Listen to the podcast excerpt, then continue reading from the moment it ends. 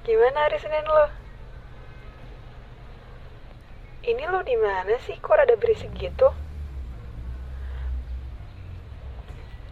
Oh masih di jalan juga? Iya, gue juga baru keluar. Atau mau ketemuan dulu di cafe yang biasa di depan stasiun? Gue baru aja keluar, ini mau ke stasiun. Oh ya udah kalau nggak bisa nggak masalah. Bisa besok atau lusa kok.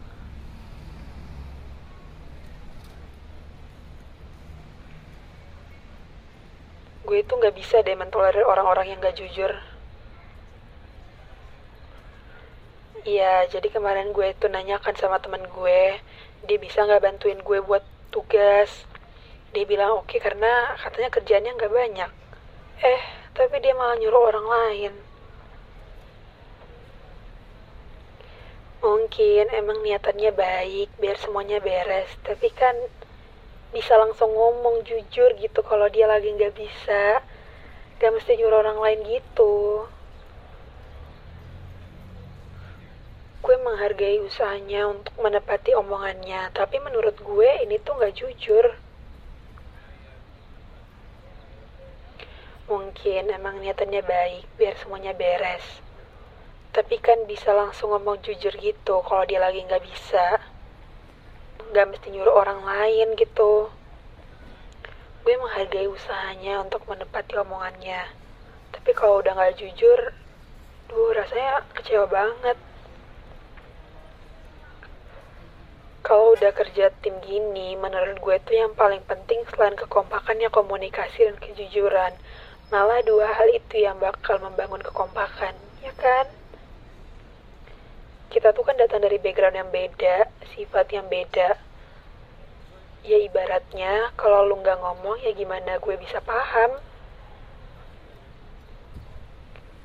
Gue minta tolong ke dia karena gue merasa gue kenal dia dan gue percaya banget sama dia.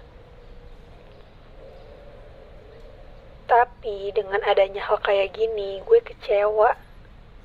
Gue bukan kecewa dengan kebohongannya, tapi gue kecewa karena gue nggak bisa percaya lagi sama dia. Lu paham kan, kayak kepercayaan tuh susah banget dapetinnya, perlu proses yang panjang gak sih? Tapi karena masalah sepele kayak gini, kepercayaan gue ke dia tuh jadi nggak ada sama sekali. Menurut gue, berkata jujur itu lebih penting daripada dia nyelesain tugasnya tapi ngerusak kepercayaan gue ke dia. Memaafkan bukan hal yang berat bagi gue, tapi buat percaya lagi tuh susah rasanya. Ya, pada akhirnya, kalau kita percaya sama seseorang tanpa ragu, yang bakal kita dapat ya salah satu dari dua hal ini.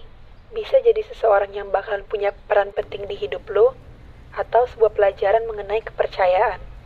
Dan dari kedua hal itu, gak ada yang buruk kan? Tinggal gimana cara kita menyikapinya aja.